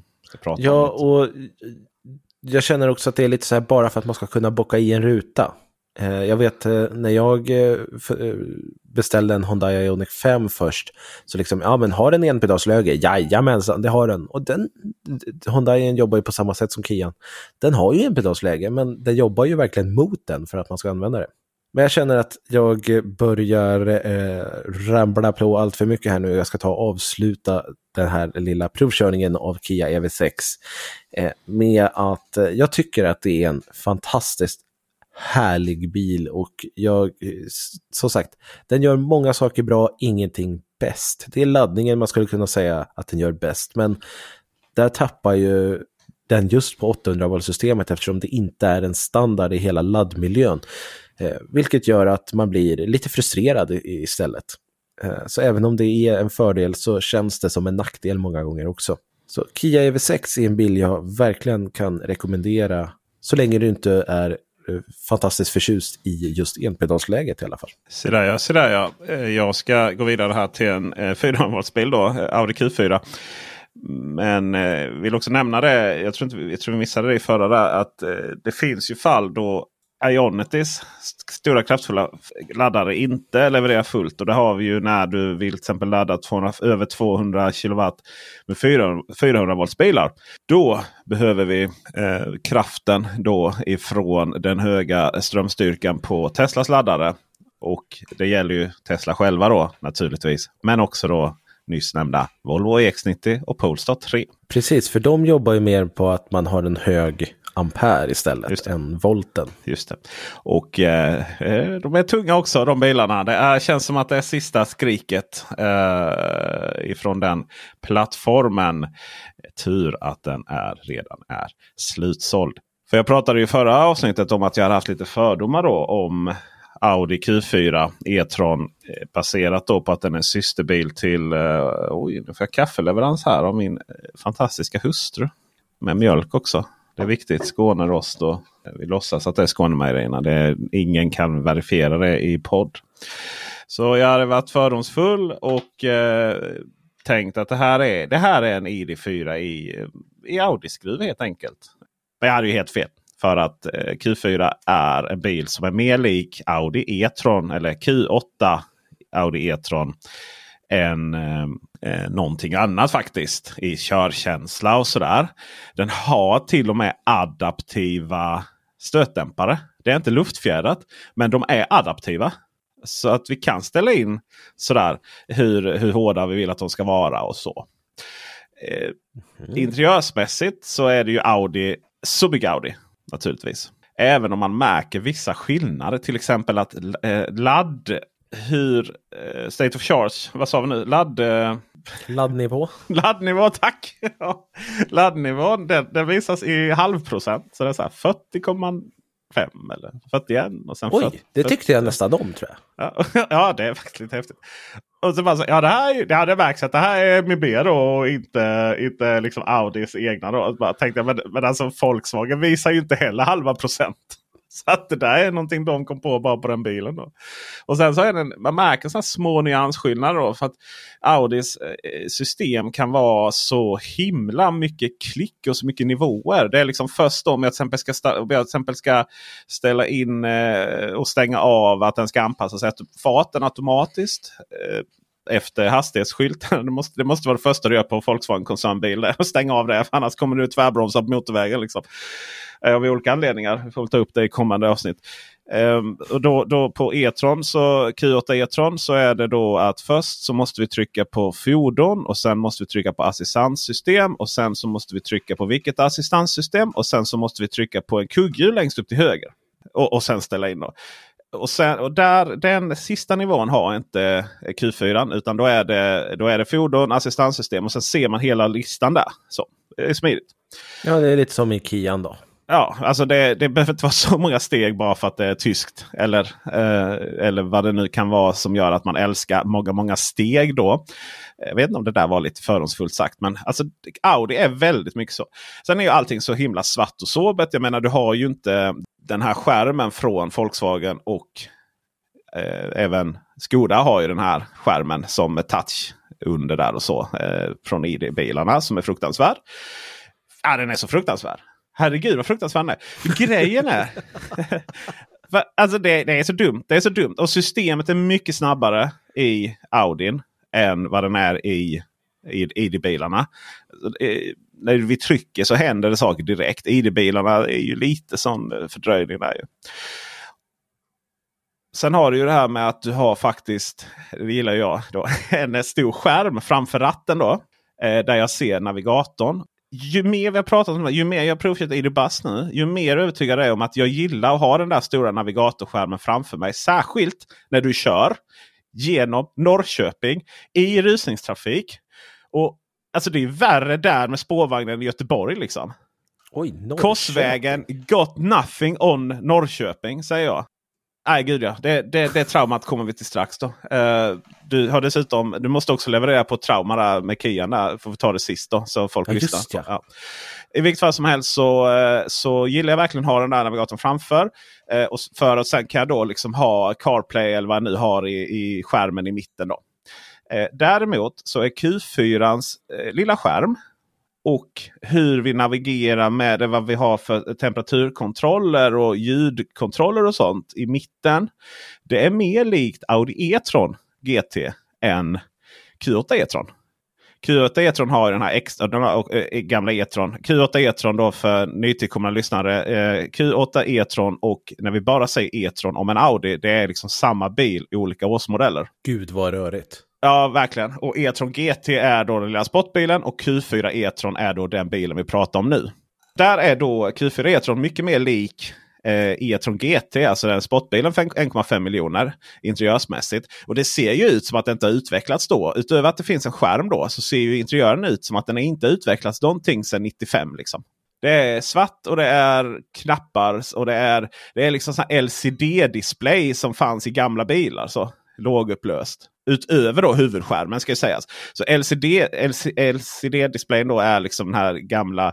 Där kan du då se eh, vad vi har för temperatur och så. Men samma sak där igen. Det är så skönt att bara kunna trycka direkt på en knapp och få ändra eh, temperaturen istället för att behöva eh, gå ifrån navigatorn på eh, eh, bilens skärm i mitten då, ID-bilarna igen då. Och sen trycka på temperatur eller trycka på stolarna. Alltså Audin Q4 jämfört med ID-bilarna. Allting är ju direkt så att vi kan trycka på den funktionen vi vill ha. Medans på Volkswagen så måste vi liksom gå ifrån ett fönster och in i ett annat då. Skoda ska ha lite cred där också för att där kan man också eh, fixa mycket av det utan att behöva byta vi. Ja. Det är just eh, Volkswagen som inte Ja. har fattat det där. Nej, och, och, och vet du vad? Folk som jag fick upp flera gånger här nu. Eh, nu låser vi skärmen för dig unge man. För nu har du pillat för mycket på skärmen. Och jag, bara, "Men, äh, jag försöker ju typ bara skriva in navigatorn för att din jävla buss den går inte ens hälften så långt som du lovade. Så jag måste skriva in, in Ionit igen. Kan jag få göra det innan jag missar avfarten? System helskotta liksom. Alltså om man måste, Ja, om man måste få upp en varning. alltså? Ja, visst, om du måste få upp en varning om att du låser skärmen för det här några sekunder. Där allt jag försöker göra är att hitta till nästa laddare eller byta temperatur. Det låter som att du borde stanna när du ska navigera om. Nej, nej, alltså vi pratar ju. Du vet. Vi pratar ju verkligen travel assist. Och så ska jag bara skriva in Ionity liksom. Men i och med att skärmen inte ens är vinklad till en. Utan, och, och så är den ganska långt borta. Så slår man lite fel där. Och så, du vet, det är, så här, du, det är Ja, inte ja. meningen att du ska kunna... På Audin så funkar ju röstkontrollen bra, bara att säga. I vilket fall som helst så eh, var det ju inte bassen vi ska prata om eh, nu. För det ska vi göra strax.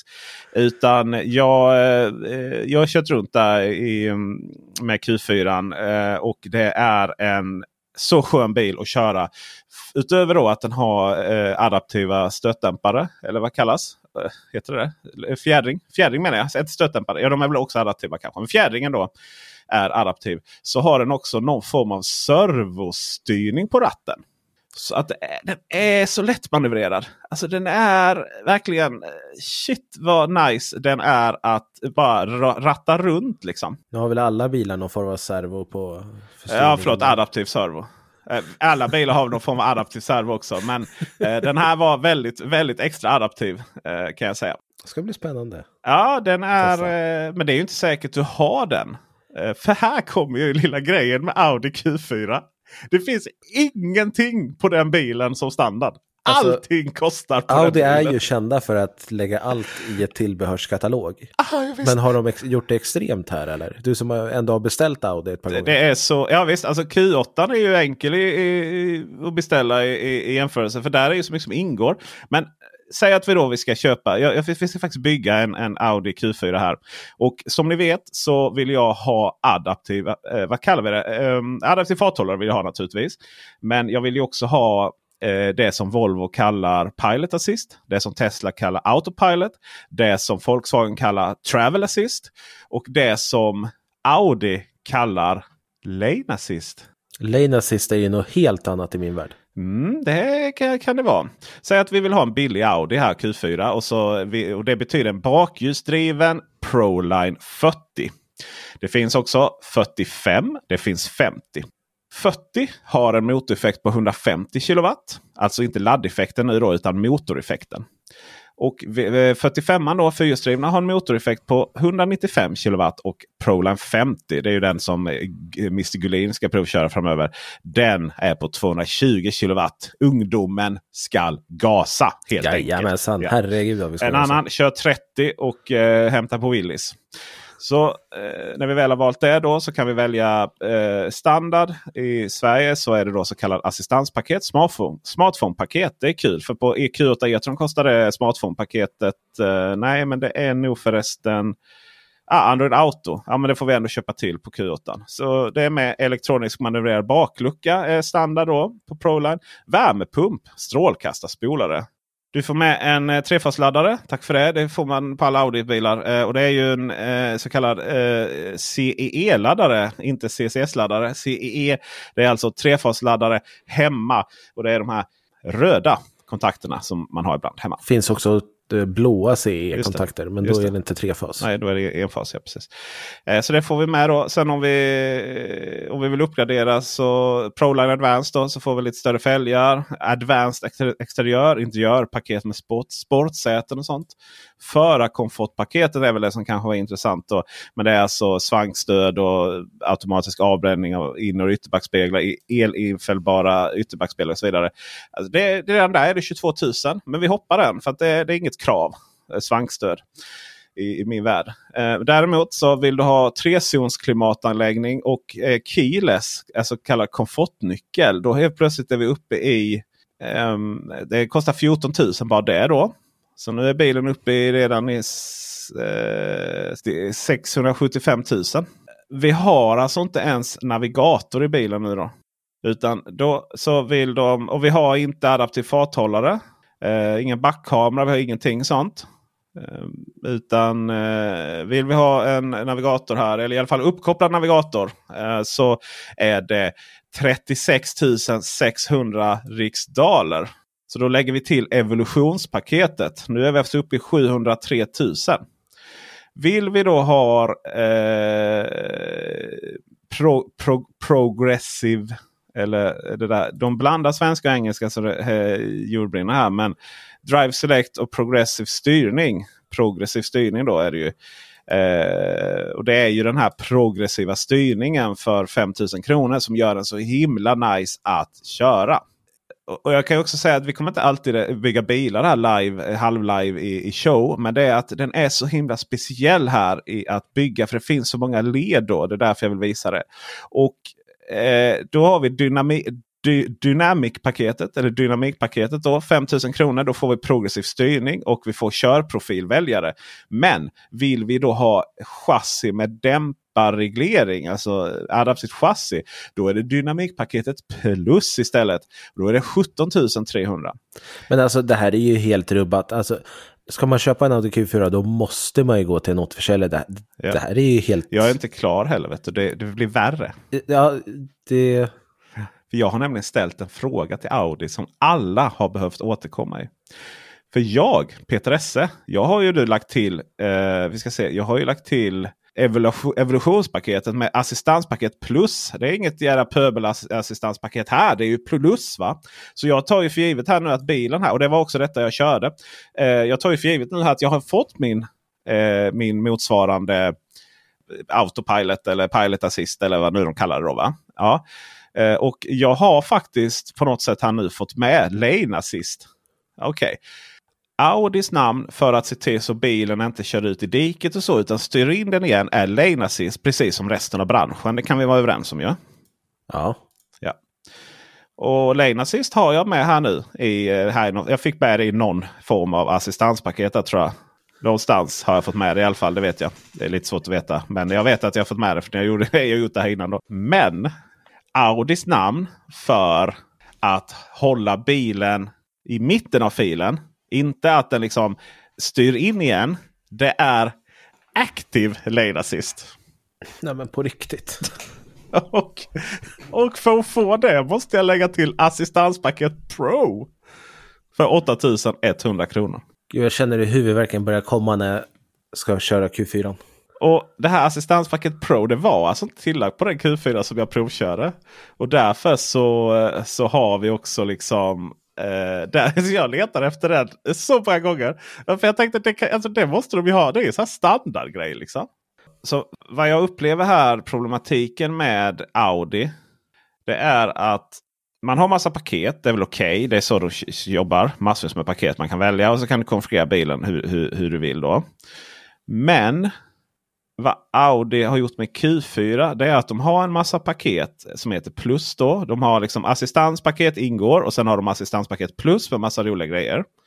Och assistanspaket Plus ingår då i en rad olika paket. Men sen har de en Pro-version av till exempel assistanspaketet. Som inte ingår i när du tar de här paketen. då. Alltså funktionen det är bara plusfunktionen av assistanspaketet som ingår i det större paketet. Men det är Pro-versionen du kanske behöver. Och den är jättelätt att missa. Och det, just det här med eh, Active Lane Assist kontra Lane Assist. Det ställde jag till min egen handlare och han var tvungen att kolla med Audi. Och eh, alltså hur, Vi pratade tydlighet tidigare med pris och sånt. Hur kan, hur kan man vilja göra det så här svårt för kunden att konfigurera sin egen bil med de funktioner vi vill ha. Och det är inte bara, eh, det är inte bara assistanspaketen som har Plus och Pro. Utan det är även till exempel eh, navigatorn som då har MMI. Då. De har de grundläggande liksom, system. Och sen så har de MMI Plus och sen har de MMI Pro. Och eh, i MMI Plus då så får vi Audi Virtual Cockpit. Medans i MMI Pro så får vi Audi Virtual Cockpit Plus. Eh, och det står ingenstans vad skillnaden ligger i. I MMI Plus så får vi MMI Navigation Plus. I MMI Pro får vi då naturligtvis MMI Navigation Pro. Men det står ingenting vad Pro innebär där. Däremot så tror jag att det innebär eh, det som sen står efteråt. Till exempel Google Earth satellitkartvy. Eh, och kamerabaserad vägmärkesassistans begränsar, ja, begränsar funktion på vissa vägavsnitt. Jo, no shit. Eh, också augmented reality heads-up display. Jag har aldrig varit med om att det är så svårt att konfigurera en bil så som man vill ha den. Utöver det så är Audi Q4 den bästa MEB-bilen. Men kanske inte alltid den mest prisvärda beroende på vad du är ute efter. Audi är väl alltid dyrast av dem märkena. Jo, men dyrast behöver inte betyda att den inte är prisvärd.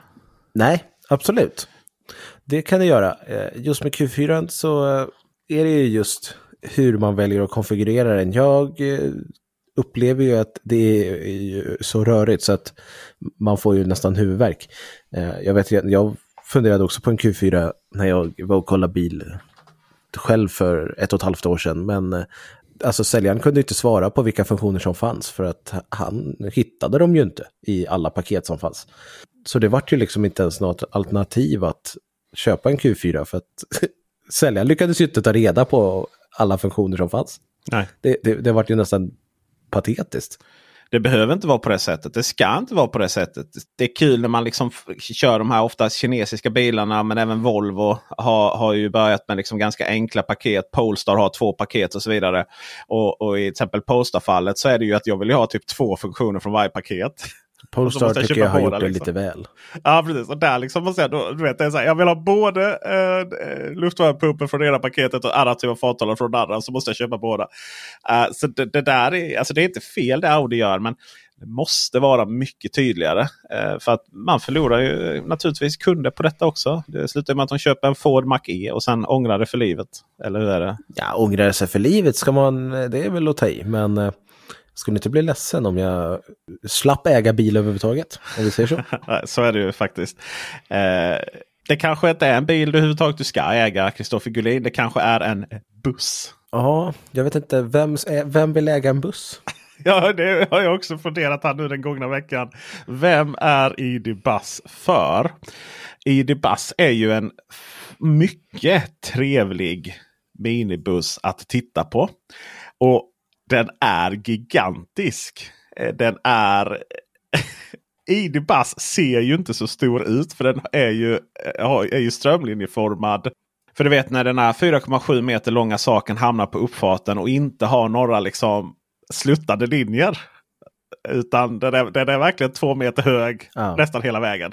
Och alltså den är så gigantisk. Och häftig och alla tittar på den. Ja. Alla liksom går förbi och eh, kommenterar den. Och jag har ju den här orangea också varianten som dessutom är halvlackerad. Då, så att den är... Ja, du har tvåtonad. Ja, tvåtonad. Och, det... och vad avundsjuk jag blir. Ja, den är slutsåld den färgen. Eh, vill man beställa den i framtiden så kommer det, jag tror de har höjt priset till 30 000. Och det är så här, du får rätt mycket foliering för 30 000 kan man ju säga. Men två delar, den här orangea, den bara står där och är mäktig och så imponerad. Men det är en väldigt stor och törstig bil. Eller buss. Eller buzz. Och du får inte in fler ungar i baksätet än någon av de andra vi har testat. Så Kristoffer Gullin, jag har inte kommit fram till för vem Volkswagen ID-Buzz är. Jag tror att jag har svaret, men det är inte för familjer. Nej. Utan det är för företag. Som ändå behöver ha lite folk där bak. Nej, alltså ID, jag tror att det var en skåpbil man framförallt var ute efter. ID Bus Cargo. För den säljer som smör. Det är klart. Och sen så visste man att vi har den sjusitsiga på G. Folk kommer vilja liksom, åh, men kan ni inte göra det här till en people carrier också? Och då, så då gjorde man det bara. Ja. Jag tror inte att man har räknat med någon säljsuccé på ID-Bus för människor, utan jag tror att det är just cargo-versionen, för skåpbilsversionen för företag, som där man förväntar sig att volymerna ska komma. Och sen så har man introducerat ID-Bus nu för folket, man har fått massa hype byggt, och sen när sjusitsiga kommer så kan man bygga ännu mer hype och då kommer faktiskt folk köpa den. Jag tror att det är så man har tänkt. Det är nog så man har tänkt. För det här är ju en skåpbil som man har satt in fönster där bak och eh, ett, ett sät, en sätesrad. För man har ju missat vissa detaljer. Du har till exempel ingen, eh, du har inga ventilationsdrag där bak. Nej. Eh, du har satt två stycken små bord där bak som du kunde dra upp. Och de är så plastiga och de ser så känsliga ut. Så första liksom, ungen som ska gå ut ur bilen snubblar till lite och trycker till den så går den sönder. Utan tvekan. Det är, det är den, det är den alltså mest ömtåliga bordsbrickvarianten som du kan dra upp där bak. Som jag någonsin har sett. Och fönstren som sitter på dörrarna kan du inte sänka ner. Du har bara två Isofix-fästen där bak. I en sån bred bil kan man tänka att det hade kunnat vara skjuts med tre. Du har ingen skidlucka. Man har liksom inte jobbat på att det ska vara trevligt där bak för de som åker där. Utan man har liksom bara, ah, okej, okay, men nu funkar det, nu är det funktionellt. Därför så tror jag liksom ja. att soffan har man satt in där i en skåpbil yep. bara. Och eh, du har ju ingen camper mode i den. Nej, man har ju sagt att ja, men det kanske kommer, men varför finns det inte från början? Jo, camper mode, det vill säga att vi håller igång luften då. Eh, AC'n, eh, ber den i en halvtimme. Ja, medan bilen är liksom i... Det går att låsa ja. bilen utan att larmet ja. går igång. Och, och tänk dig, alltså jag menar MEB-plattformen stödjer ju Vehicle to Load. ID3 eh, kommer ju ha det. Kommer ju till och med ha Vehicle to Grid. Eh, och därmed också Vehicle to Home. Eh, men vad är de flertalet 230 voltsuttagen? Jag förstår det inte. Jag förstår det överhuvudtaget Jo, jag förstår det. För du har precis berättat Kristoffer Gullin. Det här är en skåpbil som man hjälpligt har gjort till en minibuss. I väntan på att den riktiga minibussen kommer att komma. Och den kommer lanseras i USA ganska om några månader. Och då är den sjusitsig och då får vi verkligen hoppas att de har allt detta som vi har begärt. Den drar något så kopiösa mängder el när man kör den här i 120 naturligtvis. Eh, den har ganska förhållandevis låg eh, snittförbrukning enligt VLTP. Men i motorvägskörning 110-120 så drar den ju eh, mer än en Audi E-tron som är, som är känd för att vara ganska så törstig. Då. Det är storlek och tyngd. Men eh, situationen var som sådan att jag befann mig i Södertälje där jag skulle köra hem då till Malmö. Och eh, hade väl eh, batteri, hade 65 procent kanske. Nej 69 var det, strax under 70 så var det. Och navigatorn visade att jag skulle kunna komma och ta mig till Mantorp utan problem. Annars numera så behöver man inte stanna i Mantorp så tidigt. För då, ofta har du 40% batteri kvar om du har lämnat Södertälje med runt 90-100 då. För de laddar. Jag har bara lämnat Uppsala och då brukar Mantorp vara ganska ja, lagom. Precis. Eh, du, laddar, du, lämnar också ofta med 80 eller? Eh, 80 till 90. Ja, eh, Volkswagen tenderar till att ladda upp sina bilar 100 där när man hämtar dem. Nämligen. Eh, svårt att koordinera ner det liksom. Men i alla fall så tänkte jag men då kommer jag till Mantorp eh, naturligtvis. Och navigatorn visade det och så. Nu har ju den här då säkert gått då då eh, innan eh, någon helt annanstans än på 110 motorväg. Så när jag väl då hade varit strax norr om Norrköping så visade det sig att jag kommer inte komma till Mantorp. Så okej, okay, eh, det är då jag då behöver trycka in eh, alltså annan då Ionity. Jag laddar upp Ionity av den enkla anledningen att det kostar 3,30 kronor per kilowattimme där. Eh, och det kostar nästan 5 kronor på andra ställen. Då. Så jag slår in Ionity i Norrköping. Jag behöver gå på toa. Jag behöver äta. Och tänker att Norrköping, ja, det var ju liksom lite, in, det är liksom lite inne i Norrköping då. Det är inte längs motorvägen då. Så det är ju bra. Det kommer säkert vara något bra ställe där. Eh, kör in, kör. Det är redan då börjar bli väldigt många köer. Och wow, wow, wow, wow. Kommer till Ionity Norrköping och det sunkigaste Circle K-stället på planeten. Det finns värre. Nej. Jo, det gör det. Ja, gör det Finns det sunkigare Circle K-ställen? Ja. Nämn ett. Eh, den i eh, Hudiksvall är inte supernice. Okej, okay, det är norrut där. Nej, det jobbar inte jag med. Så här, eh, det var en som gick... Nej, just det. Stockholm, sen finns det inget mer. Nej, nej. Sen så, eh, nej det var ju också, det, det höll på att renoveras där lite så. Och så var det någon som gick på toa och var där väldigt länge. Så länge så att det kändes som att ingenting bra sker här. Om det så ens handlar om någon som har ont i magen. Så att det var jag bara, nej shit alltså. Då, den laddar ju rätt snabbt då. Den börjar på 200 och sen börjar den sacka. Då, så att, eh, men så är jag tvungen att, att gå, dra och käka. Och Så bara, ja, men då är navigatorn max då liksom. Tänker man. Det är väl ut mot utvägen då. Man är, alltså, man, det, här, det här är min så här newbie. Det är så här man gör när man är liksom oerfaren elbilsägare. Nej, nej, det blev ju max vid stationen då. Så då var det verkligen in i centrala Norrköping. Och det är ju köer överallt. Och herregud och himmelriket. Och då, där och då också så inser jag ju hur fantastiskt dålig då navigatorn är i mitten skärmen. Den lilla skärmen där, förlåt. Där jag då liksom det är så mycket vägar och utfarter så att den lilla skärmen klarar inte att visa vilken utfart, liksom vilken del av rodellen jag ska gå ut ifrån. Jag har till och med filmat på det där den visar att eh, den lilla pilen där i mittenskärmen, eller förlåt inte mittenskärmen, eh, skärmen framför ratten. Den här lilla, den visar att jag ska köra ut till höger. Men navigatorn i mitten visar att jag ska köra ut till vänster. Då, alltså nästa. Och det är bara sådär, nej, nej. Och så du vet, måste, ja, och så ska jag in och byta temperatur där och herregud. Ingenting är i, i Volkswagens ID-skärm här nu är till denna situationens fördel överhuvudtaget. Men det var en god hamburgare. Nej, det var det inte. För jag tog sallad. Eh, därefter sen så, vart det ju, så hamnade jag i sån jävla osynk då ju. För att efter Norrköping så då är ju Mantorp. Ja, då behöver jag inte stanna där utan då får jag stanna i Gränna istället då och ladda. Som för övrigt också är en sån här Circle K. Hur kan ni inte bygga en fin härlig restaurang på taket? Den utsikten som är där. De har ju börjat bygga om den Circle K där lite. Det kommer bli lekplats och så till ungarna och man håller på att bygga egna laddar och sånt. Men jag menar det, det måste vara den vackraste laddplatsen på planeten. Den är jättefin men jag undviker den till varje pris. Jag är så less på Ionity-laddarna där. De strular alltid för mig. Jaha, ja, det har jag inte... Ja, jag ser det. Eh, men, men eh, så, och sen därifrån så uppstår ju då problemet då. För att därifrån så kommer jag återigen då eh, med alldeles för, för hög state of charge då, laddnivå eh, till Värnamo. Och efter Värnamo så finns ju inga Ionity-laddare förrän Helsingborg. Och från därifrån till Helsingborg kunde jag inte komma då. Så då fick jag stanna i Ljungby på Allego. Och där så skannade jag QR-koden för jag skulle göra en video om hur det är att vara i den här situationen. Och jag skannar QR-koden och den säger hitta inga laddare. What the F? Jättebra. Eh, men då är jag så less på allting så jag, och det börjar bli så mörkt så att det blir ingen filmning av det. Liksom. Eh, får, dra igång, får dra upp Ellie-appen då. Som jag ändå hade tänkt att ladda med. Hitta inga laddare överhuvudtaget. För Ellie bara ibland visar inga laddare. Jag bara känner herregud vad är det med? Har jag, har jag degraderat i utvecklingen för att ladda bil eller? Starta om med Ellie-appen, hitta legoladdarna, eh, börja ladda på. Då. Och eh, på vägen därifrån så ser jag ju då de Ionity-laddarna som håller på att byggas som bara hånskrattar. Man hör hur alla sex stycken laddarna bara hånskrattar åt mig. Eh, dagen efter vid lunch så kickar Ionity-laddarna igång i Ljungby. Fick jag reda på.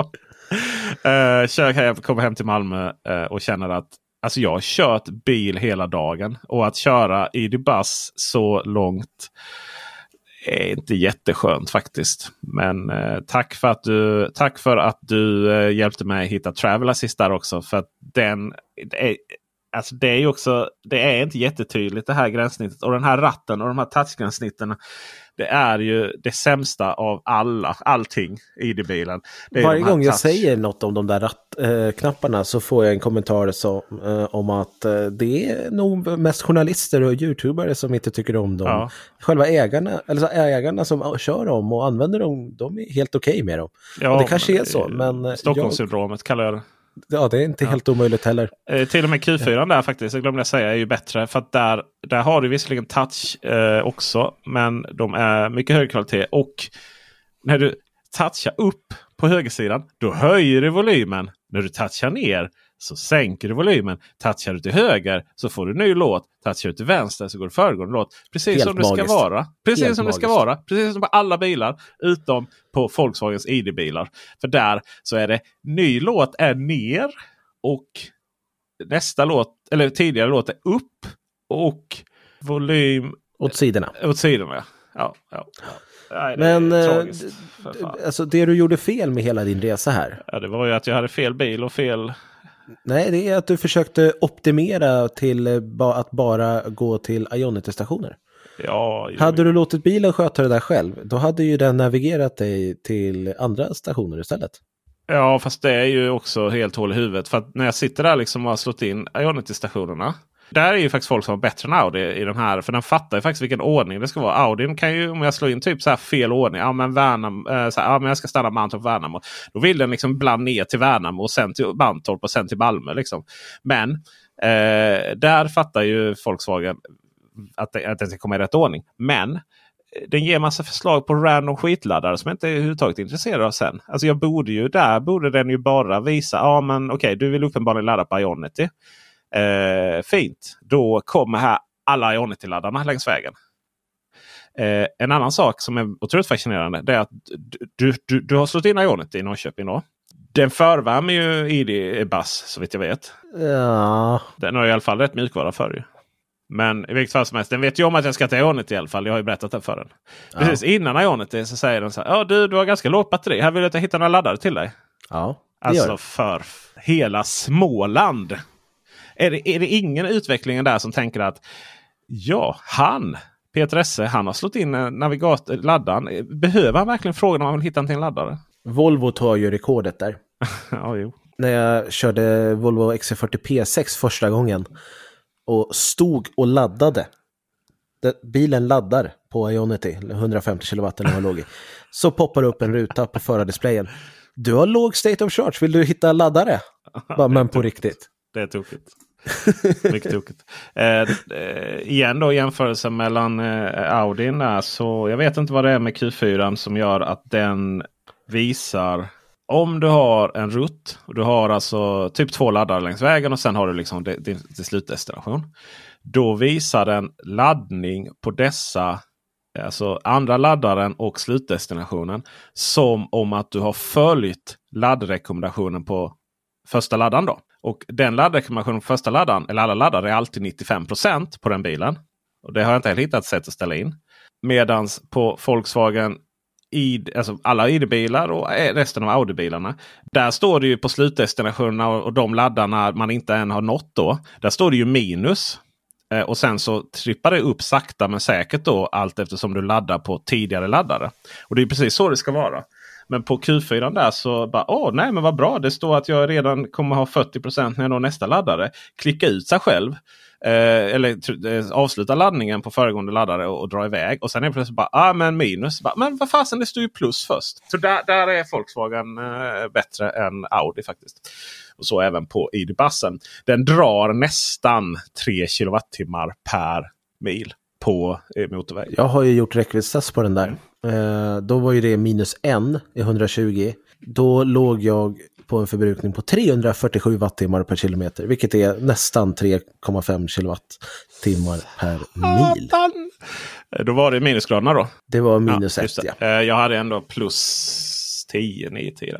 Oj, oj, oj, oj, rena sommaren. Du, den här fadäsen i Norrköping. Eh, jag har hört rykte att det är ingenting i jämförelsen när Kristoffer Gullin leker traktor i Norrland. Ja, just ja. Kanske ska återkomma till vad som hände med Kia EV6 där innan vi avslutar. Nu börjar det bli väldigt långt här. Eh, nej, men alltså 20, jag har ju gjort mina långresor. Jag kör ju 80 till 190 mil på en dag eller någonting. Och så har jag varit upp till Sälen från Uppsala här. 20 minuter hem. Känner att det här går inte. Jag måste kissa. Annars kommer en olycka att ske. en sjua helt enkelt. Precis. Så att eh, jag, ja men här är en, en liten eh, väg in, bara, ja nej men in, parkera bilen, gör det jag ska, ska backa ut på vägen igen och eh, lyckas inte ta mig ut från den där vägen för att eh, bakhjulen bara står och slirar, kommer ingenstans. Försöker lite gunga fram och tillbaka och lite sådana saker som man brukar göra, inser att eh, alltså jag kommer inte upp. Eh, det är ju blött gräs här, eller lera, så att eh, bilen står där den står. Så, ja, men jag, jag, kan ju ändå åka framåt. Så att när jag åker framåt och så försöker jag vända lite en trepunkts eh, turn där och köra upp, för då får man ju lite mer sats. Problemet är att när jag gör det så hittar framdäcken en liten sänka så att säga. Och där lägger de sig. Gör de. Och eh, Tillsammans med det leriga underlaget så står bilen där den står sen. På sniskan, jag kommer varken framåt eller bakåt. Bilen sprättar upp massa lera och eh, jag har lite, jag inser att eh, det är 20 minuter till Uppsala men eh, det är betydligt längre tid innan jag kommer komma hem. Så att eh, jag eh, börjar ringa folk och bara finns det någon i närheten som skulle kunna hjälpa mig och dra loss mig. Det slutar med att jag får eh, ringa en bärgare som får dra upp mig på vägen. Så att eh, det är lite komiskt just med Kia EV6 att jag sitter och säger hur bra bakhjulsdriften är. Eh, och just där så går det också åt pipsvängen. Det är en video som inte finns på YouTube än, jag vet inte när den kommer. Men delar av olyckan är med där. Aha. Men ja, jag, jag tycker bakhjulsdrift är kul för det mesta på EV6. Men kanske just där och då så, så var det lite annorlunda erfarenheter. Jag har också kört fast med bakhjulsdriven bil. Uh, och uh, det var ID3 precis när jag var ny. Så körde jag också, det var verkligen bara en det var, inga andra bilar hade kört fast där eller någonting så. Men det var lite, det var ute på en äng och så var det liksom lite, lite lerigt. Och eh, det var, sluttade lite, lite framåt. Och jag kände redan när jag parkerade att oj, det här kommer bli spännande. Och den bilen, den bara gräver sig ner med bakhus. Eh, med, med däcken bak liksom när jag ska försöka backa. Helt omöjligt. Uh, så, helt omöjligt. Till slut så nej, den är inte så tung den där bilen. Uh, lyckligtvis. Så att det var faktiskt så att jag och en annan som bara hjälpte till där eh, kunde putta ut den då som hustrun körde. Men det, var så här, det går liksom inte heller så här dragläge. Alltså att det här att man vet, försiktigt. Det var verkligen bara... Nej, det är, det är svårare när man har elbil och en, äh, pedal, gaspedalen är inte jättebra kalibrerad. Jag vet min Mustang skulle jag gråta floder över om jag fastnar och behöver liksom gasa mjukt med för att den är helt omöjlig. Ja. det? Där får det totalt misslyckats ja. med att uh, göra det snyggt. Ja, där. jag vet Volvo XC60 där har jag liksom så här, du vet om man bara ska, man börjar närma sig riktigt tajt parkeringsficka någonting och du verkligen behöver verkligen finköra fram och bak. Så den har också lite så här, oj jädrar vad det hoppade till här nu. Liksom. Men i vilket fall mm. som helst så sen när, den skulle, när vi fick upp den och sen skulle vi ut den och då var det en passage ut där det blev riktig lervälling. Där gled alla andra bilar. De var så att de liksom, det var som att spela curling heter det va? med bilar. liksom. Uh, att de gled ut. Det var lyckligtvis gled de liksom ut rätt då så de inte hamnade fel där kunde jag bara köra rakt fram utan problem. Då var den så tung så den grottade ner sig och körde perfekt. Så, så det är intressant med olika typer av bilar. Eh, tung, eh, lite tyngre då, elbil och bakhjulsdriven och sådär. Och med det mina vänner så är det här avsnittet eh, väldigt, väldigt eh, välbakat och klart. Vi hoppas ni lärde er någonting. Vi hoppas att vi lärde oss någonting här. I alla fall jag eh, fick reda på att Kristoffer eh, Gullin lovade att säga att vem Volkswagen ID Buzz var till för. Och vi kunde väl då konstatera att just den här bilen är, eller den här bussen är till för ingen. Men snart kommer det en lite längre variant av den. Och vill ni nå Kristoffer Gullin här nu och berätta för honom vem att det faktiskt finns folk som har köpt den och gillar den. Då är det kristoffer.elbilsveckan.se. Skulle ni vilja berätta för oss båda denna hemligheten så är det info elbilsveckan.se. Ni når mig på se.elbilsveckan.se. Och stort tack till Dennis Klarin, vår ljudtekniker som vi denna gången kommer ihåg att credda. För, och det med all rätt för det här avsnittet blev väldigt, väldigt långt. Det blev det. Ha det jättefint nu. Tack för att ni lyssnade så hörs vi i nästa avsnitt. Hej! Hej på er!